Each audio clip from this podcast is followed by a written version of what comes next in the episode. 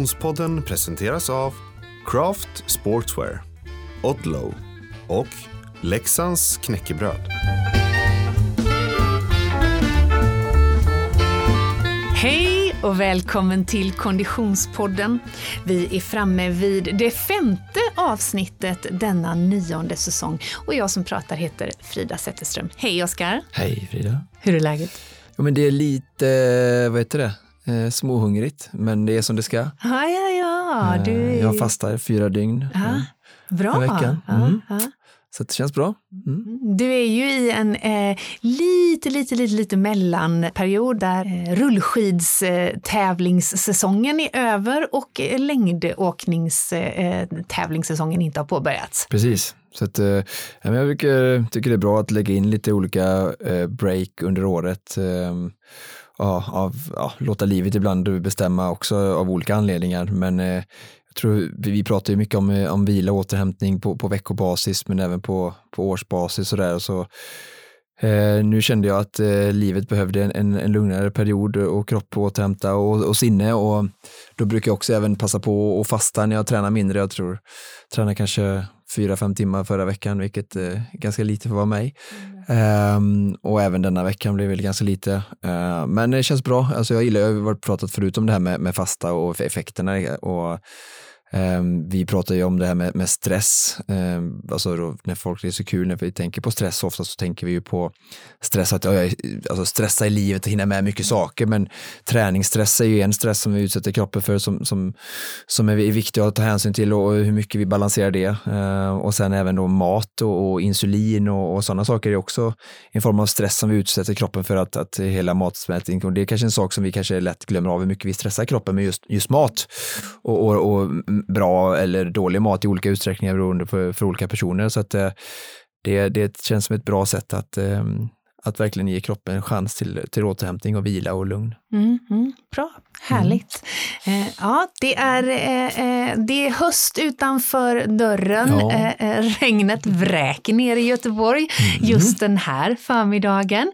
Eh, Marken står och bockar och bugar. Ja, definitivt. Det behövs för grundvattennivån.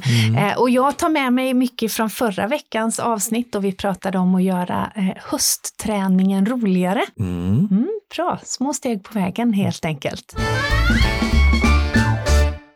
Vi är så himla glada att vi har med oss våra poddkompisar Craft Sportswear igen, Oskar. Verkligen. Vi har ju, både du och jag, sprungit en hel del i eh, Crafts dojor. Eh, och just nu så finns det faktiskt en kollektion som jag tycker är lite extra intressant. Den heter Lumen. Eh, och både, det finns både dojor och kläder med lumen-mönster. Eller må, liksom själva målsättningen med den här eh, kollektionen är ju att eh, skapa viss, visibilitet. För det har reflekterande detaljer, både på kläderna, på löparkläderna, men också på eh, CTM Ultra-skon. Och CTM Ultra är ju en sko som vi gillar. Fiffigt namn där Lumen, det är ju ett sätt, det är styrkan vi mäter i våra pannlampor. Så det var ju fiffigt där. Ja, men Synas. precis. Det är en hyllning till det eh, nordiska ljusförhållanden och det finns ju då alltså ett glow in the dark print helt Ja, klart. just det, just så nu det. när vi går mot de här mörkare höstdagarna så ska man ju eh, definitivt inte underskatta eh, vikten av att synas när man är ute och tränar. Det är ju någonting, alltså reflektering på skor känns som att det kunna utvecklas ännu mer för att fötterna är ju så extremt eh, i rörelse. Jag tänker Mm. både på vantar och skor.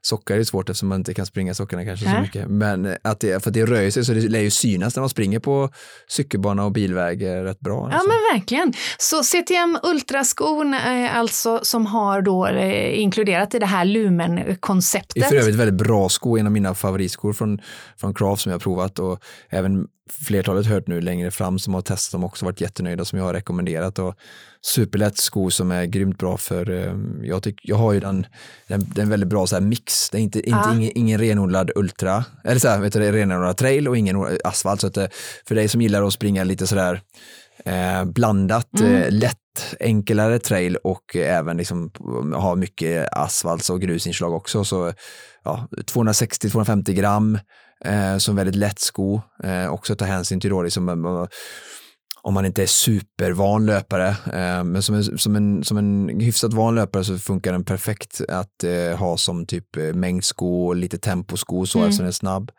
och allround-sko. Och för den mer ovan löparen så skulle jag säga att man kanske har den lite mer som en, som en snabbare sko med, med en eh, skön dämpning. Mm. Ja, jag är superförtjust i min eh, CTM Ultra och är också lite nyfiken på den här med eh, lumen. Eh, alltså du har inte den med lumen? Nej, jag har mm. inte den med lumen ännu. Men nu, inte jag kära poddkollega, så är det läge att slå till. Därför att eh, vi eh, har nämligen en rabattkod att bjuda på.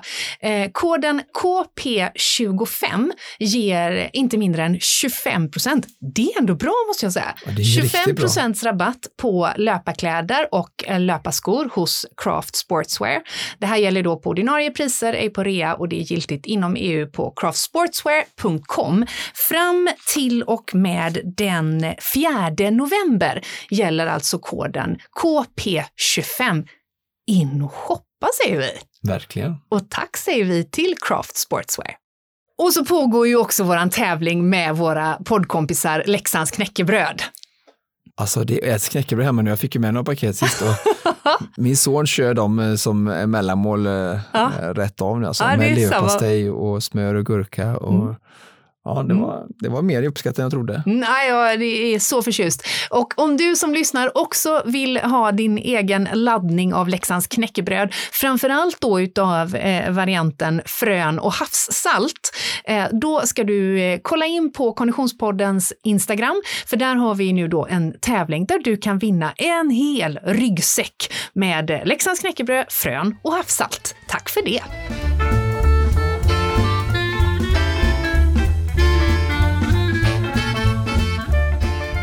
Idag och i den här veckans avsnitt ska vi få stifta bekantskap med en person som Alltså det finns mycket att säga om den här mannen. Ja, verkligen. Eh, alltså jag eh, dryftar mig att säga att han är ju en av de absolut största simmare vi haft eh, genom tiderna, mm. speciellt på, på den manliga sidan då, eh, med eh, flertalet OS-medaljer och eh, VM-medaljer. Så eh, ex, ska bli extremt spännande att få, få lyssna till denna eh, simguru och eh, världsstjärna. Mm. Få eh, kan mäta sig med hans antal metrar i bassängen eh, genom tiderna. Eh, denna avsnittsgäst är ingen mindre än Anders Holmertz. Hej Anders! Hej, hej! Hur är läget? Jo tack, det är bara bra. Mm. Med, med er också. Tack, det är bra. Vi, ja. Eh, till skillnad från poddlyssnarna, ser ju dig via eh, teknikens under och en länk. Eh, var befinner du dig någonstans, eh, Anders? Jag befinner mig i min lägenhet i Råcksta just nu. Mm.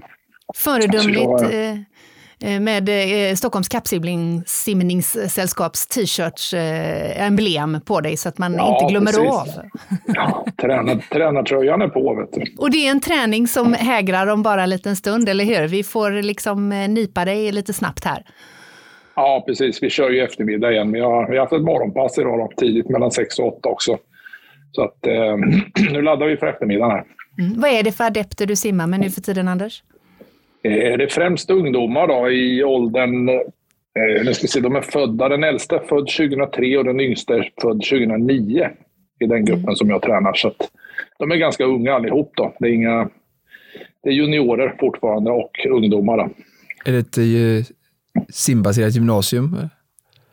Nej, det är simklubb där. Det är ju simklubb. Stockholms, kap, Stockholms kappsimningsklubb. Vi mm. ser ut i, i Åkeshov och i Nälstabadet mestadels. Hur bra koll har de på att de tränas av en legend med eh, eh en medaljskörd eh, eh, som är få förunnat? Eh, ja, ja, jag vet inte om de vet att... jag vet inte om jag vill kalla mig legend, men, men, men tack.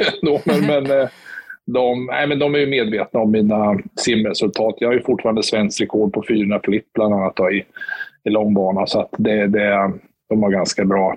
De allra flesta har nog koll på det.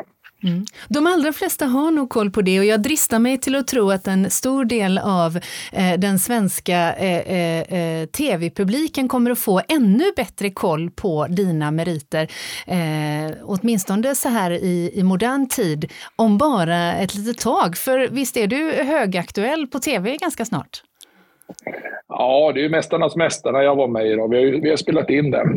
Så jag kom hem för några veckor sedan och det kommer sändas i februari någon tror jag de börjar sändas. Så att det är ett tag kvar så att man hinner, och, hinner lugna ner sig lite. Då. Sen så, ja. det, är ju, det är alltid lite, det är lite läskigt att se sig själv på tv och så här, tycker jag. Då. Men eh, ja, det, det, var, det var en fantastisk upplevelse. Väldigt, väldigt kul. Tuffa tävlingar men väldigt roligt att få och fått vara med. Väldigt mm, kul. Jag jag gissar mig till att varken Oskar eller jag kommer att få veta hur det gick, hur det går. Eh, får ju inte wastea det, det, här nu. Men, men eh, eh, kan du inte ge oss någonting, för det var ju, årets upplaga har ju eh, eh fantastiska atleter med.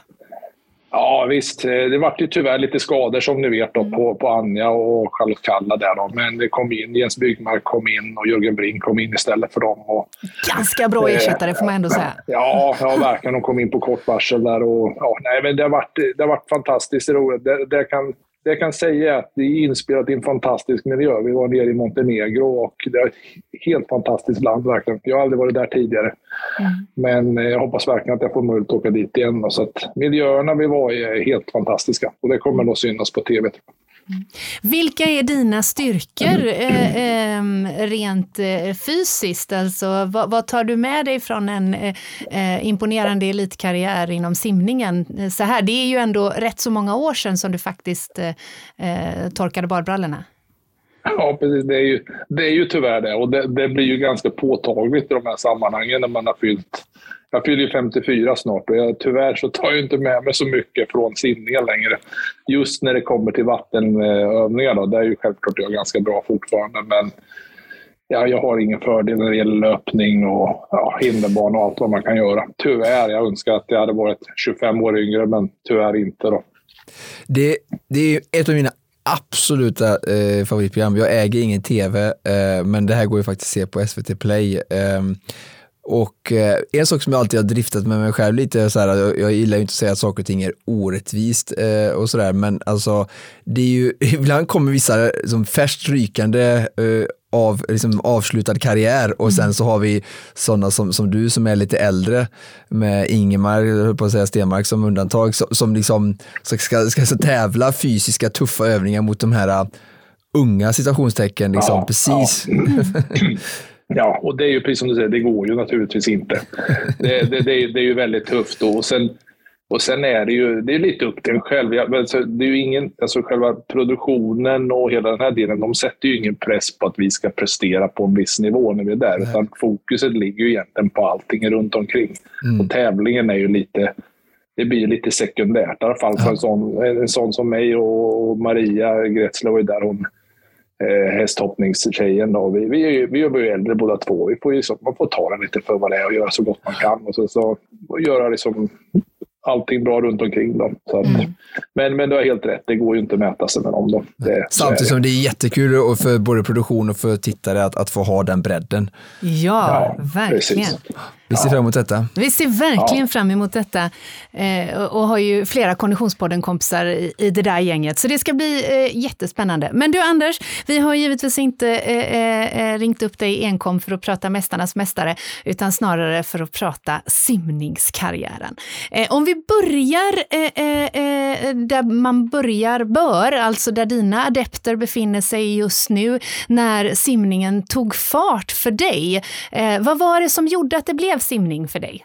Det var ju ganska enkelt egentligen. Jag hade ju, min mamma var ju badvakt och eh, min styrpappa var eh, simhallschef på den tiden. Och sen min, sim, sim, eh, min storebror bror, eh, Micke, då, han eh, simmade också då, i en grupp. Så att jag, jag var ju i simhallen varje dag.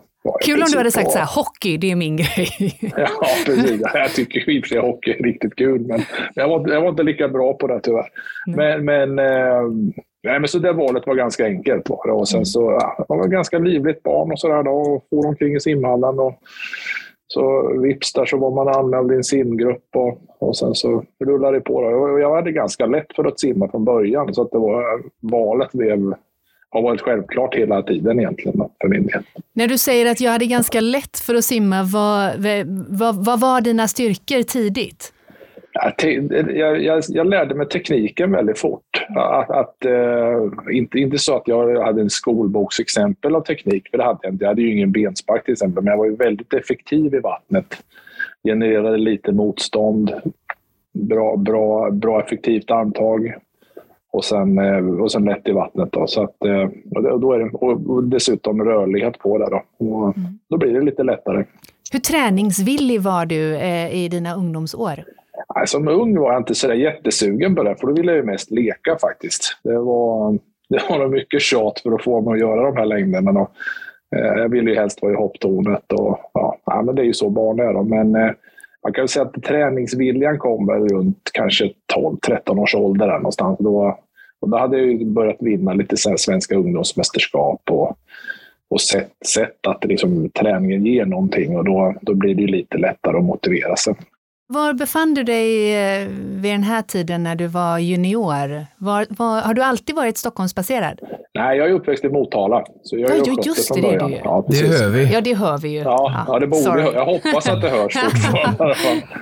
Men eh, alltså, sen tävlade jag med spårvägen under ett mm. antal år också. De senare åren av karriären. Så uppväxt i Motala, tävlat för Motala och eh, spårvägen.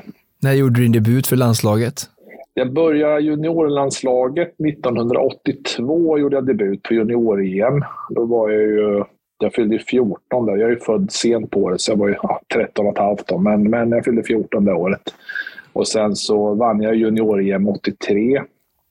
Och sen så debuterade jag på seniornivå i Los Angeles 84 då. Det året jag skulle fylla 16. Mm. Jag var ganska tidigt ute. Ja.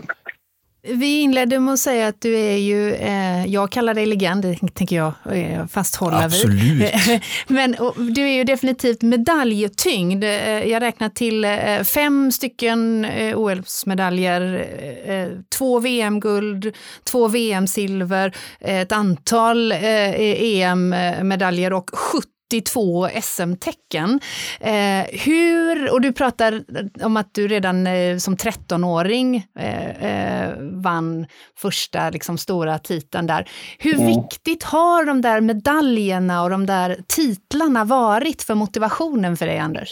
Ja, men de har varit väldigt viktiga. Det har ju varit drivkraften hela tiden egentligen att att det, det, är ju, det, det vet vi med som träning, är ju inte, det, det, krävs ju någonting som motiverar en för att lägga ner all tiden på den träningen. Då.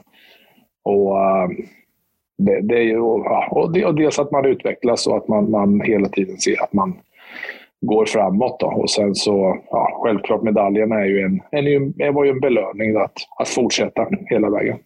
Jag tycker det är spännande också att titta på när vi, eh, jag följer många olika sporter och ser just det här du pratar om lite i Motala och ha förutsättningarna och drivkrafterna, alltså hur sparringpartners eller hur, jag tänker sånt måste vara otroligt viktigt. Vad hade ni för träningsgrupp? Eh, hade du andra som var lika duktiga eller simmade du och fick det med genom landslag sen längre fram eller hur, hur såg liksom träningsgrupperna ut? för dig? Åren i Motala hade jag en eh, simmarkompis som hette Henrik Lek. En eh, riktig sån här distanskille. Då. Var han, han, eh, han var ju till början han var ett år äldre än mig, Henrik. Och eh, till början faktiskt, han var bättre än mig. Han simmade fortare. Han var, så han var, han var för, för min del var han ett perfekt sparringpartner. För det var ju som en, en, en, mm. en sån här sporr att hela tiden försöka hänga med. Då. Och eh, sen, sen bytte vi. Alltså jag växte och blev lite längre blev ju snabbare. Han var ju fortsatt långdistans. Jag gick ju mer åt medel då. Eh, men, men som, som träningspartner så var det ju ja, en perfekt kombination. Det har alltid varit. Och sen så senare år när vi kom upp i, i landslagsnivå, då, då hade man ju väldigt bra sparring. Dels i det här lagkapslaget vi hade. Då. Vi var ju väldigt bra gäng där som tränade väldigt hårt. Då. Tränade ni mer metrar på den tiden än ni oh, gör idag? Ja, ja, det var ju ja, det var väldigt mycket meter på 80-talet när, när de här ungdomsåren för min del, tonåren var, ja, herregud, då har vi simmat mycket alltså. Så var det. Men är det en skiftning tror du som går i, i äh, som är bra eller dålig och skiljer den sig internationellt eller har vi kommit på att det, det behövs inte eller var det onödigt det ni gjorde? Eller? Ja, nej, men du har ju, det, det, det ligger någonting i det du säger. Tyvärr så är det, eller tyvärr ska man inte säga, det, det är så att man behöver göra det fortfarande. Eh, internationellt sett så tränar mm. man mycket meter fortfarande. Väldigt, väldigt mycket meter och liknande mot vad vi gjorde på 80-talet. Och Ja, jag vill ju inte sticka ut hakan och säga för mycket, men, men, men, men, jag tror att vi skulle behöva göra lite mer. Eller jag vet att vi behöver simma lite mer i, på många håll och kanter i Sverige. Vad är det som har drivit förändringen i den riktningen? Det, I jag, Sverige? Jag, jag har lite svårt att svara på det egentligen. Jag tror dels så har vi ju haft ganska framgångsrika sprinters under de senaste åren. Sara är ju en av dem. Samtidigt så vet vi att Sara har ju tränat väldigt mycket som ung. Eller ganska mycket i alla fall. Gör väl kanske inte riktigt den volymen idag. Då. Lars Frölander var ju också duktig, simmade 100 fjäril. Eh, han höll på i många, många år och eh, man, man kanske refererar till honom som 35-åring och hur han tränade. Men i många fall så kanske man glömmer att referera till hur han tränade när han var 16-17 år. Då. Det var ju en helt annan grej. Så att jag tror att man har tittat på idrottsmännen, de här framgångsrika vi har, men vi tittar inte riktigt på vad de gjorde för att nå dit de är idag så att säga. Det finns ju ungdomar som, som men vi har ju Viktor Johansson till exempel. Han är ju han väljer de långa sträckorna, långa distanserna och gör det väldigt, väldigt bra. Och alltid varit jättevill, träningsvillig och positiv till det. Och... Hur kommer det sig att han inte tagit ditt 400 meters rekord, det svenska rekordet? Det måste vara hägra? Han har ju försökt. Ett antal gånger har han gjort och det är ju... Nej, det enda, det, det enda jag kan säga är att det, det är en bra tid helt enkelt. Det, det var just det OSet. Hur lyder tiden? 3.46,77. Och det blir 56 per hundring, 57? Ja, något sånt. Så det är, det är lång bana då, så det, är, mm. det är en bra... Det är, det är en bra tid. Det, det är inte helt lätt att slå. Är inte. Vad är, vad är världsrekordet idag? Vet du? Jag tror det är 40. Nej, nej, det är det inte. Det är 40, 40 mm. höga eller 41 lågt någonting. Så att, eh, de har kommit en bit då, men eh, Ja. Mm. Nej, men jag hoppas, jag, hoppas, jag är på Viktor så att jag tror att han, eh, han kommer nog inte ge sig förrän han har tagit det där rekordet. Jag hoppas inte det i alla fall. Anders, det finns ju eh, supermånga eh, tillfällen, eh, race och eh, eh, tävlingar att, att eh, djupdyka i. Gud, det är så lätt att Göteborgsvitsa när man sitter med en simmare. men men ja, om vi för en liten stund bara tar oss tillbaka till året 1992. Ja, mm. då vet du att jag vill åka till Barcelona.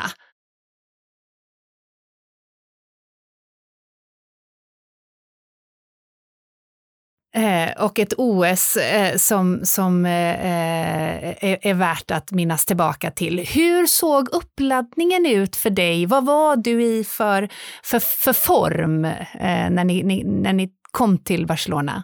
Jag var ju, jag var ju min livsform då kan man säga. Jag var ju, jag var ju absolut bäst, min bästa form och jag hade aldrig varit bättre och jag var aldrig bättre efteråt heller. Så jag, jag pikade ju där egentligen rent kast kan man säga. Att det var ju väldigt bra. Men, men det, det byggde... Men hade du det med dig? Kände du det redan innan? Ja, jag hade en, jag hade en känsla av det innan faktiskt. För att jag hade, jag hade tränat väldigt, väldigt bra. Och eh, då hade vi, vi hade börjat träna en hel del, eh, alltså mer race pace, tröskelträning då hade vi gjort. Vi hade lagt om träningen lite, lite grann. Det här är spännande. Berätta hur ni hade lagt om träningen. Eh, vi hade ju eh, så under många år, vi körde ganska mycket vi, eller alltså, vi, tränade, vi tränade nog ganska bra tröskelträning fast vi var egentligen inte riktigt medvetna om vilka farter vi skulle hålla och så vidare. Eh, men sen så började vi då med, med förbundet att genom laktattester, det här gör man ju regelbundet idag, men på den tiden var det ganska då är det lite nytt, nytt tänkande. Så. Det är alltså genom, alltså man, man kollar laktatnivåer, hittar tröskelfarten, brytpunkterna där, vilka farter man skulle ligga på på träningen. Då. Och, uh, den, den jobbar vi hårt med och vi kände ju att vi fick, ganska, vi fick väldigt bra svar på den träningen vi gjorde. Vi, jag började simma ganska mycket fortare, ganska omedelbart då, med det.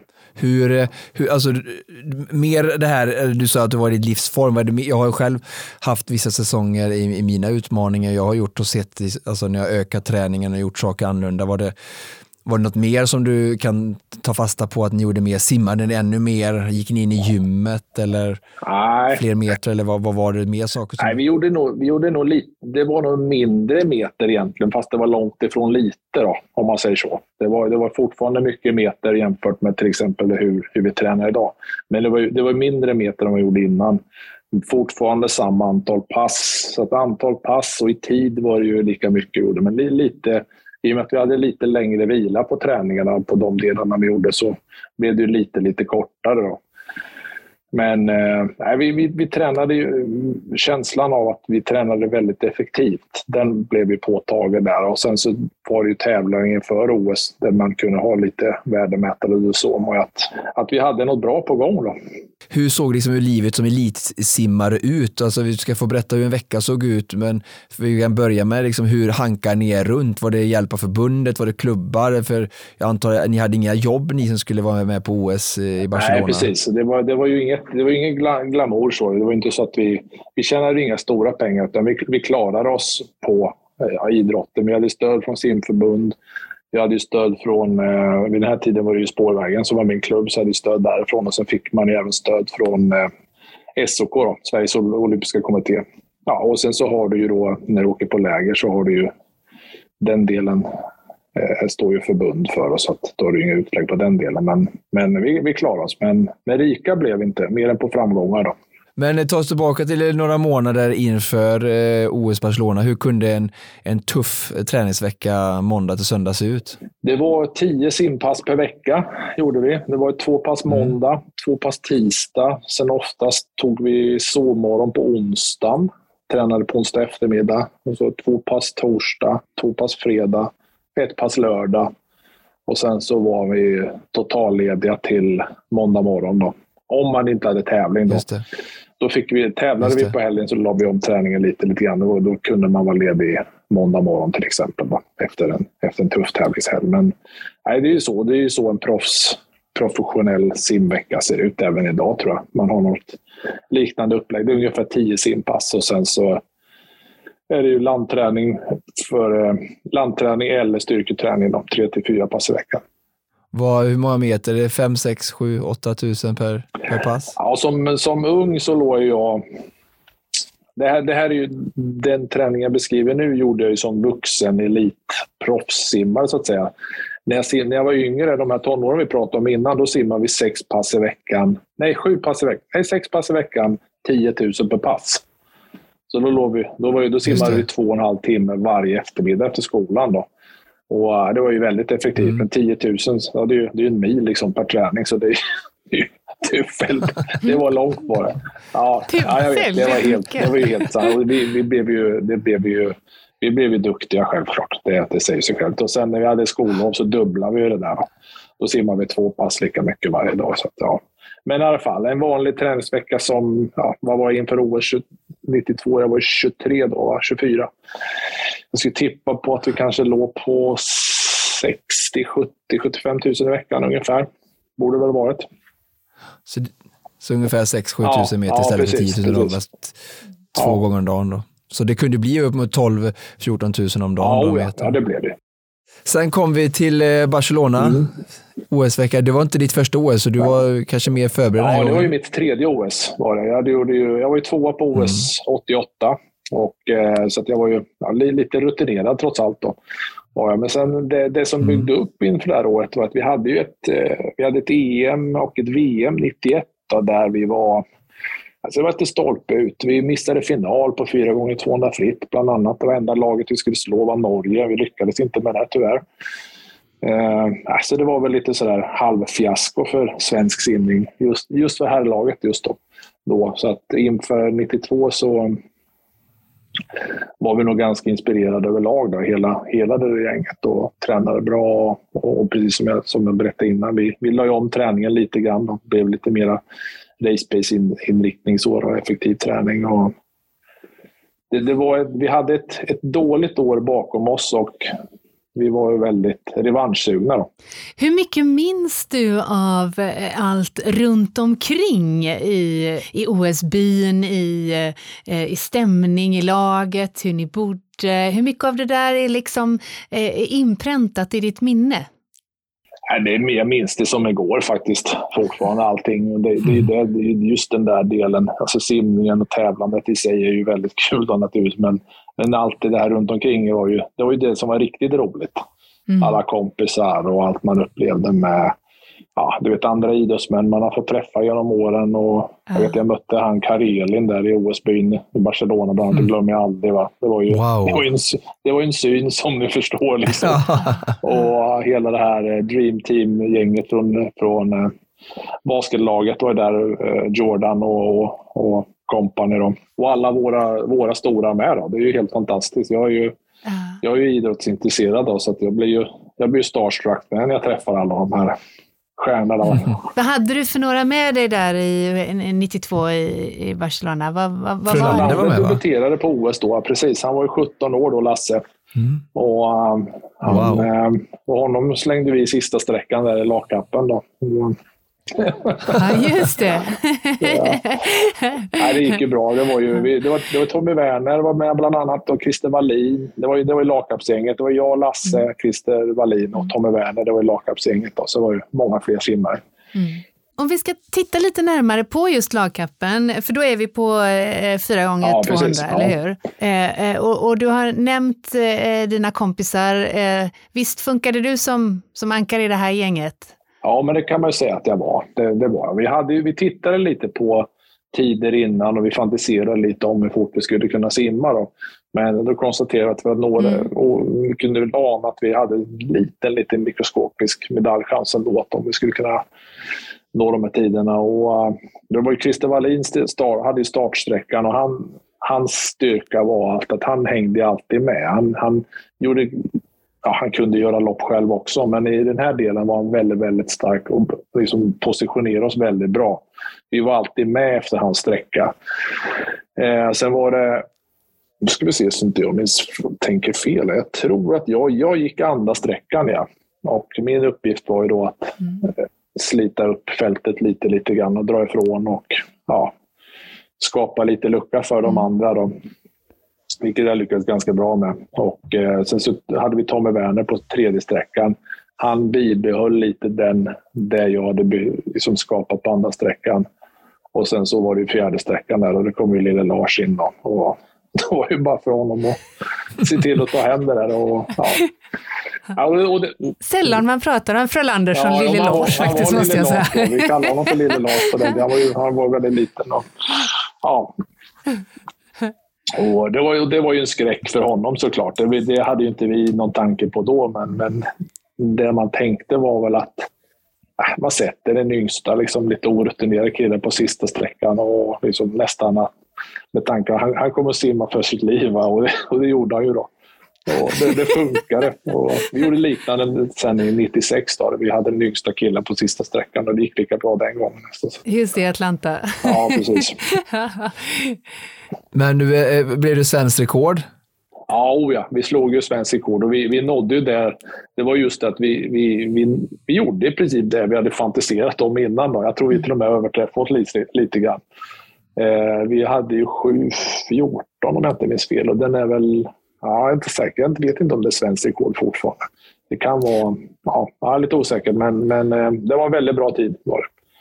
Men det här, det här genererade ju i, i OS-silver. Ja. Eh, eh, va, va, hur, hur, såg konkurrensen ut? Jag är ju inte riktigt lika nördig som Oskar och jag dristar mig till att tro att inte alla våra Konditionspodden-lyssnare heller har liksom, eh, eh, eh de här eh, resultatlistorna inprintade i sina sinnen.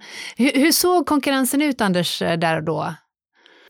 Det var ju väldigt tuff konkurrens. Ryssarna, hade ju, ryssarna dominerade ju det OSet kan man säga. De, det var ju de vi fick stryk av. Så det var ju två efter Ryssland. Det var likadant i mm. individuella lopp. Det var ju en ryss som vann både 2 400 fritt. Så att ryssarna framför allt. Amerikanerna är alltid bra. Och simningen är ju en ganska bred idrott. Så det är ju, det är, på ett OS är det ju stentuff konkurrens. Att, och eh, tiderna som simmades i OS, OS 92 är ju som sagt mitt svenska rekord är därifrån fortfarande det gick väldigt fort det året. Och, så att, eh, det, var, det var väldigt bra lag vi hade. Så mot, motståndet var stentufft.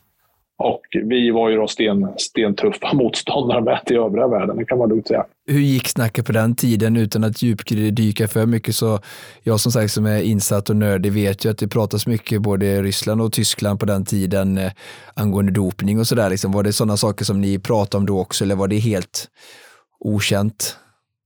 Nej, det var inte okänt. Det gick ju väldigt mycket rykten. Det gjorde det. Mm. Uh, och det var ju det var flera, flera simmare som blev fällda för doping då, året efter året efter det då, som, uh, som har varit med på det här OSet. Och, uh, ja, så att självklart det florerade väldigt mycket rykten. Och, ja. Hur kände ni som idrottsmän och idrottskvinnor? Alltså det, det får ju de frågorna än idag i skidsporten och cykelsporten i, i Sverige, men hur, hur upplevde ni det då? Ja, det var ju lite frustrerande då. Var det. det är ju, just det där att man inte riktigt... Det fanns ju inga bevis för det egentligen.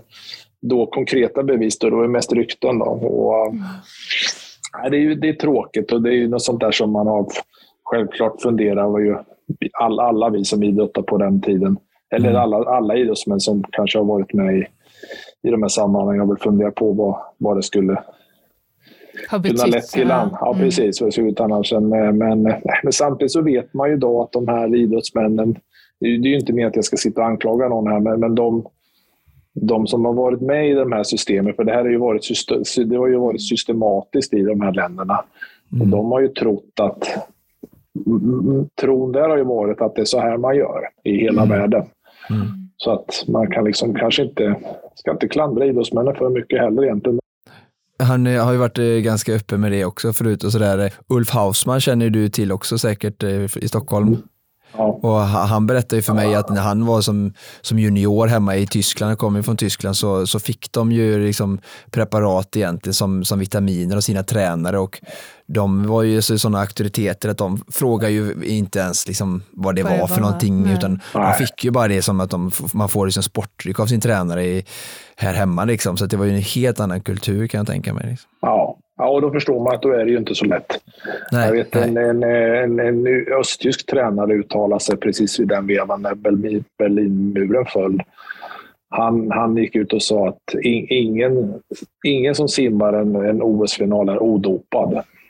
Och då blev vi, vi i övriga världen blev vi lite så här, nej, okej. Okay. Men, men och det funkar ju inte riktigt så. Men, men den tron hade ju de och de, ja. de, de trodde verkligen det.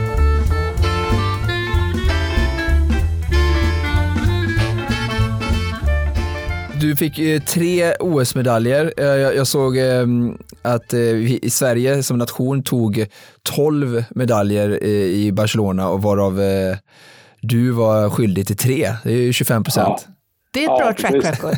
ja, ja det, var, det var ju bra. Det var ju väldigt bra facit för min del. Det var ju, det var, jag, jag var verkligen i toppform och det var, det var en härlig känsla. Det var ett fantastiskt roligt OS. Var det. Va, vad är medaljerna nu? Ja, eh, det är en bra fråga. Jag tror de, de är hemma i Linköping i alla fall. Aha, ja, och jag tror några ligger nog framme faktiskt. Där i någon jag tror om det var... Ja, nej, de är där hemma någonstans. Det är ju... Det är inte så ofta jag tittar på dem, som ni förstår. Du var... Men det var ett ganska vagt svar. Jag hade, ja. det, är bra. det är bra.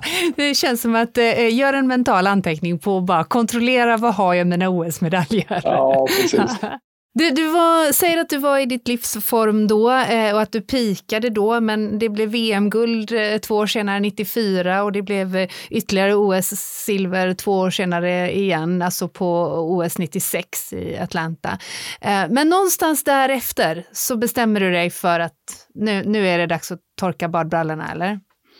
Ja, precis. Ja, men det var det, det, från början hade jag ju en tanke om att ja, men jag kör fram till OS 92. Sen så har vi beslut på ett. Så jag var ju inte liksom helt säker på att jag skulle fortsätta, men, men, men den här lagkapslaget kom ju upp där 92. Liksom, vi slog ju igenom med det, så vi byggde egentligen allt på det efter det sen. Och, och det, det, var ju, gjorde ju, det inspirerade mig att fortsätta simma ett, ett antal år till. Då mm. än vad jag egentligen hade tänkt. Så det, det, blev ju fyra år ytterligare som sagt fram till OS 96 och där, där lyckas vi ju försvara silvret. Och, så gjorde jag ett litet eh, Ja just det, tänkte sluta igen efter OS i Atlanta. Eh, men sen så visade det sig att Sverige hade fått kortbane-VM i eh, Göteborg. Det skulle ju simmas i Skandinavien där på våren 97.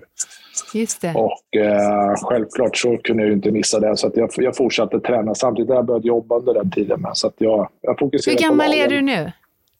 Ja, det är ju 97, så att jag skulle ju fylla 29 då, mm. det året. 28, ja 29 va, blir det. Ja, precis. Um, men men jag, hade, jag hade trappat ner ganska mycket. Men, men avslutet kom i Göteborg på våren 97 i alla fall. På, mm. på Skandinavium och det var lite häftigt att få vara med och simma där. Då. Ah. Kan du minnas tillbaka till känslan i kroppen när du liksom eh, i offentligheten hade sagt att nu är jag klar?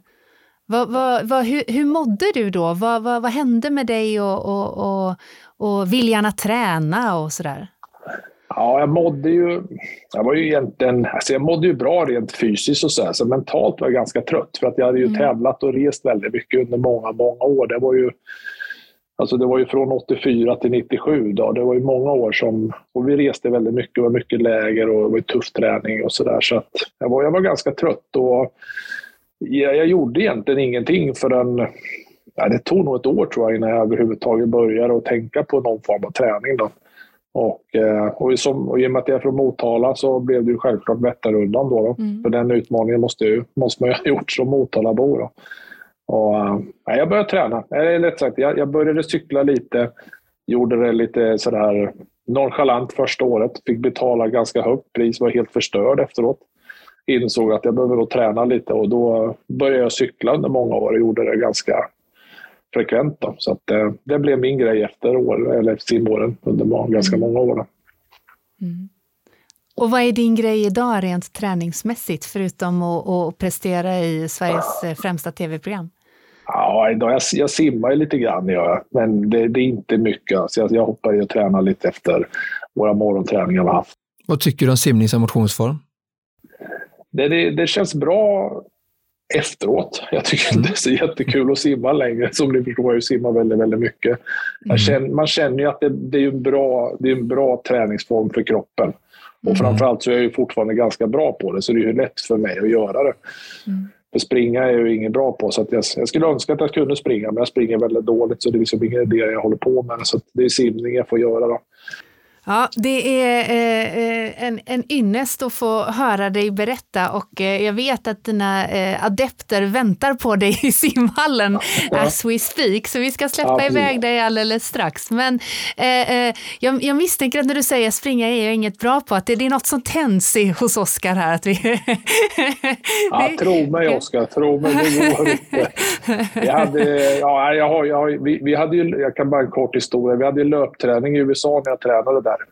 Mm. Och den här Mark Schubert som han hette, han, han hade ju liksom mångårig erfarenhet av simträning. Han plockade bort mig från löpträningen. Han sa att nej, nej Anders, det är bättre att du simmar.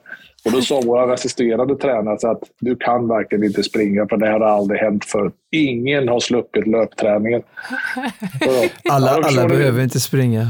Nej, precis. Nej, men det är så. Det, det har jag fått till mig också. För jag har ju, jag har ju mm. påpekat det flera gånger om att jag är så dålig på det. Men liksom, gör någonting annat istället. Då. Härligt. Eh, mm. Anders Holmers, stort tack för att vi i Konditionspodden fick eh, ringa upp dig. Vi kommer att följa din framfart i eh, Mästarnas mästare eh, senare i vår med spänning. Ja, tack så jättemycket. Tack för att jag fick vara med. Tack snälla Anders. Ja, alltså. Man blir ju sugen på att hoppa i vattnet skulle jag på säga. Ja, så blir det.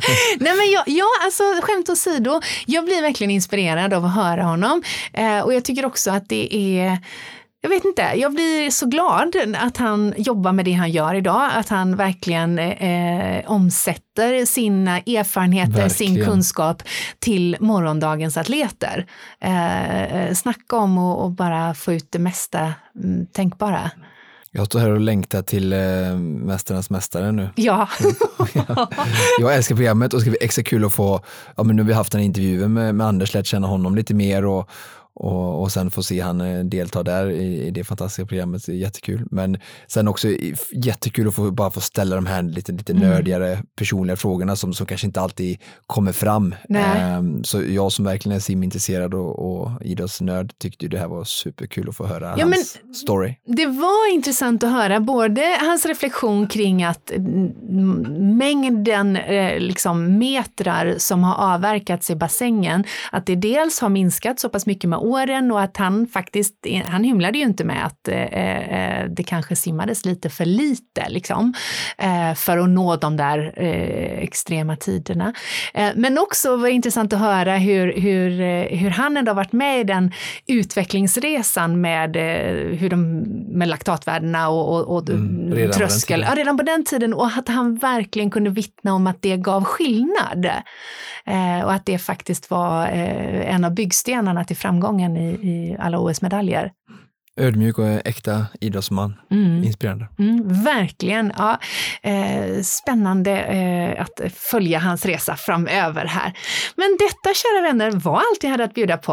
Eh, är du hungrig, Oskar? Ja, jag börjar vänja mig nu, det går ganska bra. Det är så kort tid. Ja, det är det. Det är det verkligen. Det här var allt vi hade att bjuda på för den här veckans avsnitt. Om du som lyssnar känner ah, Anders Holmertz, det vill jag att mina vänner också ska få höra. Då blir vi såklart superglada om du delar med dig av vårt poddavsnitt i dina egna sociala medier. Eh, och glöm för allt i världen inte att prenumerera på vår podd, så missar du ingenting. Det här var precis som vanligt producerat av Fredag, Connect Brands with People.